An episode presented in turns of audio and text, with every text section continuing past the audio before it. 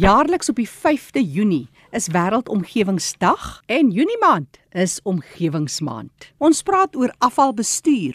Ek gesels met Rion Pinaar. Rion is raadslid van die Instituut vir Afvalbestuur in Suider-Afrika. Wêreldomgewingsdag is vir julle ook 'n belangrike een. Dis ook vir julle tyd om bietjie te wys wat se tegnologie in plek is ten opsigte van afvalbestuur. Vertel ons hoe integreer julle Wêreldomgewingsdag en afvalbestuur? Kyk, die die bestuur van afval is uiteraard 'n baie baie belangrike deel van die omgewing want as die afval wat ons genereer nie ordentlik bestuur word nie, dan kan die omgewing baie skade kry. So as die instituut is ons bly om die die geleentheid te gebruik van Wêreldomgewingsdag om die mense meer bewus te maak hmm. van spesifiek hoe hulle hulle afval bestuur. Wat gebeur met die jy weet die goed dat jy nie asblik gooi by die huis waartoe gaan dit en hoe dit die beste bestuur kan word. Daar's baie brandpunte of jy nou op aarde of in die lug of onder die water is. Waar wil julle sien 'n verbetering? Vertel ons van die interessanthede van afval oor 'n paar dekades heen en hoe julle dit integreer die bestuur daarvan. Nie te lank terug nie, uh, hier in die 80's of so rond was afvalbestuur in Suid-Afrika maar maar net 'n geval van dit is alles in 'n gat gegooi in die grond en toegestoot en mm. ons het nie eintlik die omgewing in ag geneem of geweet watter skade ons in die omgewing doen nie. Met die feit dat plastiek in goed deesdae so groot rol speel en wat afvalbestuur betref, het ons in die laaste 20 jaar baie veranderinge gemaak en veral in die wetgewing maar ook in die manier hoe munisipaliteite afval bestuur spesifiek by stortingsterreine dan ongelukkig gaan meeste van ons afval wat mense genereer maar nog steeds na die stortingsterreine toe wat bestuur word meestal deur munisipaliteite maar maar ook deur private instansies en ons fokus op die oomblik om die terreine waar die afval heen gaan so te ontwerp en te bestuur sodat die omgewingsimpak die minste is. En die, die maklikste manier om dit te doen is om maar te kyk dat so min as moontlik afval eintlik maar na die stortingsterrein toe gaan en die wat wel om toe gaan verstaan goed bestuur word sodat die die water wat byvoorbeeld op die, op die terrein val en deur die afval lek opgevang word voordat dit in die grondwater inkom waar dit kan skade berokken. Interessant dat jy nou noem ook in die begin van plastiek. Ek dink aan glaskos, soos jy praat van afval. Daar's soveel verskeie bane waar afval eintlik gekanaliseer word en eintlik is daar ook goeie nuus tussen dit deur. As mense dink aan die plastiekbedryf en hoe dit werk skep op 'n ander vlak, is dit eintlik 'n positiewe storie ook. Natuurlik ja, herwinning van plastiek en veral glas en papier in Suid-Afrika en in ander lande is Dit is groot besigheid en dit gee vir vir baie mense werk. Dit is die regte ding om te doen van die omgewingsoogpunt af. Die die probleem wat ons mee sit is dat om net die plastiek te stort op 'n stortingsterrein is nog steeds goedkoper as om die die herwinningsroete te volg en mense aan te stel om dit uit die stortingsterrein uit te hou. So daar's 'n finansiële oogpunt en 'n omgewingsoogpunt, maar dit is absoluut die regte ding om te doen van 'n omgewingsoogpunt af om herwinning te bevorder en daar's baie groot werk en goeie werk in Suid-Afrika op die oomblik op daai in daai spasie. Rian, as daar een idee is wat jy vandag met ons kan los, ek moet sê ek is self skuldig. Ek is nie altyd so toegewyd in die skeiding van my afval en so meer nie, maar wat is daai een idee of een pleidooi wat jy vandag lewer ten opsigte van die hulp wat Jan en San publiek kan gee as dit kom by die afvalbestuur, die verspreiding daarvan en net daar sommer by die huis sonder dat dit jou ekstra geld hoef te kos?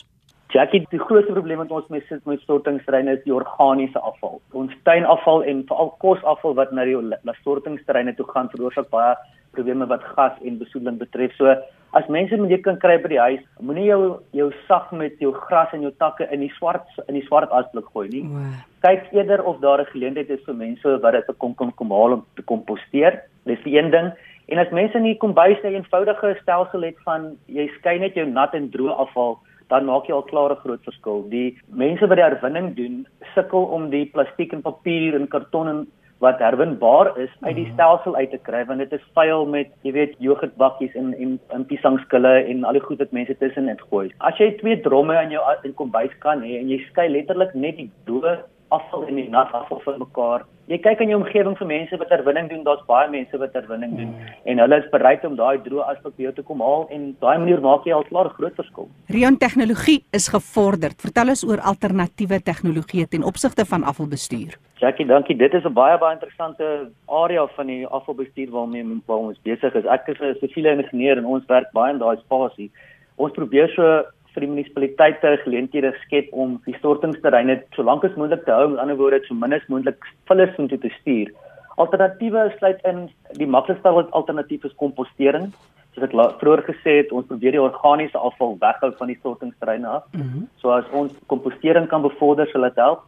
Herwinning soos ons oor gesels het, is 'n groot alternatief vir stortingsterreine. Herwinning het sy sy eie uitdagings in dat daar moet baie infrastruktuur geskep word en mense aangestel word om die herwinning te doen. So finansiëel kan dit duur wees, maar soos ons gepraat het oor die omgewing is dit die regte ding om te doen. Verder is daar 'n bietjie meer gevorderde tegnologieë soos anaerobiese vertering van afval waar die elements organiese materiaal in 'n anaerobiese stelsel sit sonder suurstof of waar dan nou gasse gevrygelaat word wat mens kan gebruik om energie te skep soos elektrisiteit en so in Europa en in baie lande in die, in die, in die ooste is daar verbrandingstegnologie wat hulle die fisies die afval in 'n put gooi en dit verbrand en die gas wat daar wat daar uitkom word opgevang en elektrisiteit word opgewek en die die tegnologie van om die uitlaate gasse in goed skoon te hou is baie baie goed deesdae. So dit is alternatiewe opsies maar daai opsies is op die oomblik baie duur en in Suid-Afrikaanse konteks is dit maar nog net in beplanningsfase daardie verbranding van die vullis daar's ook baie alternatiewe waarom mense daar waarna mense kan kyk. Ek dink om te fokus op Suid-Afrika op die oomblik moet ons herwinning en kompostering dryf sover ons kan. Vertel ons meer oor die pad vorentoe. Ek sien later die jaar het julle 'n interessante seminaar en dit is juis om ook interaksie met Jan en San publiek en ander professioneles teweeg te bring. Ja, so in November in Durban het die instituut 'n seminaar wat onder ons groep val van landfill and waste treatment, so verstortingsterreine en afvalbehandeling. By hierdie seminaar gaan ons meer vir mense leer hoe om die spesifiek wat ek en jy nou oor gesels het mm. van hoe om tegnologie rondom afvalbestuur en storting van afval te verbeter. Dit is by die Greyville Convention Center in Durban die 3de tot die 5de November. Mense is welkom op ons webtuiste te gaan kyk. Dis IWMSA, dis nou 'n Engelse afkorting waar baie van julle kan leer.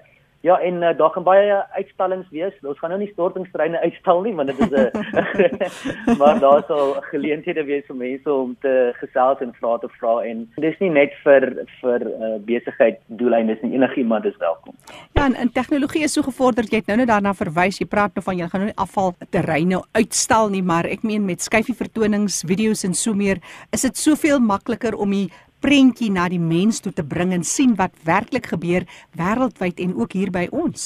Absoluut. Mense leer baie van hoe dit in die ander dele van die wêreld gedoen word. Suid-Afrika het sy eie uitdagings hoe ons afval in Suid-Afrika kan bestuur. Ons kan nie net tegnologie net kopieer van ander lande nie. Hmm. So dit is interessant om te sien hoe ons spesifiek ons eie tegnologie in Suid-Afrika kan benut en die mense wat in die spasie werk in Suid-Afrika van die munisipaliteite tot die omgewingskundiges en ingenieurs is baie goed met wat hulle doen. So daar's 'n groot goeie pad vir ons vorentoe kan ek sê.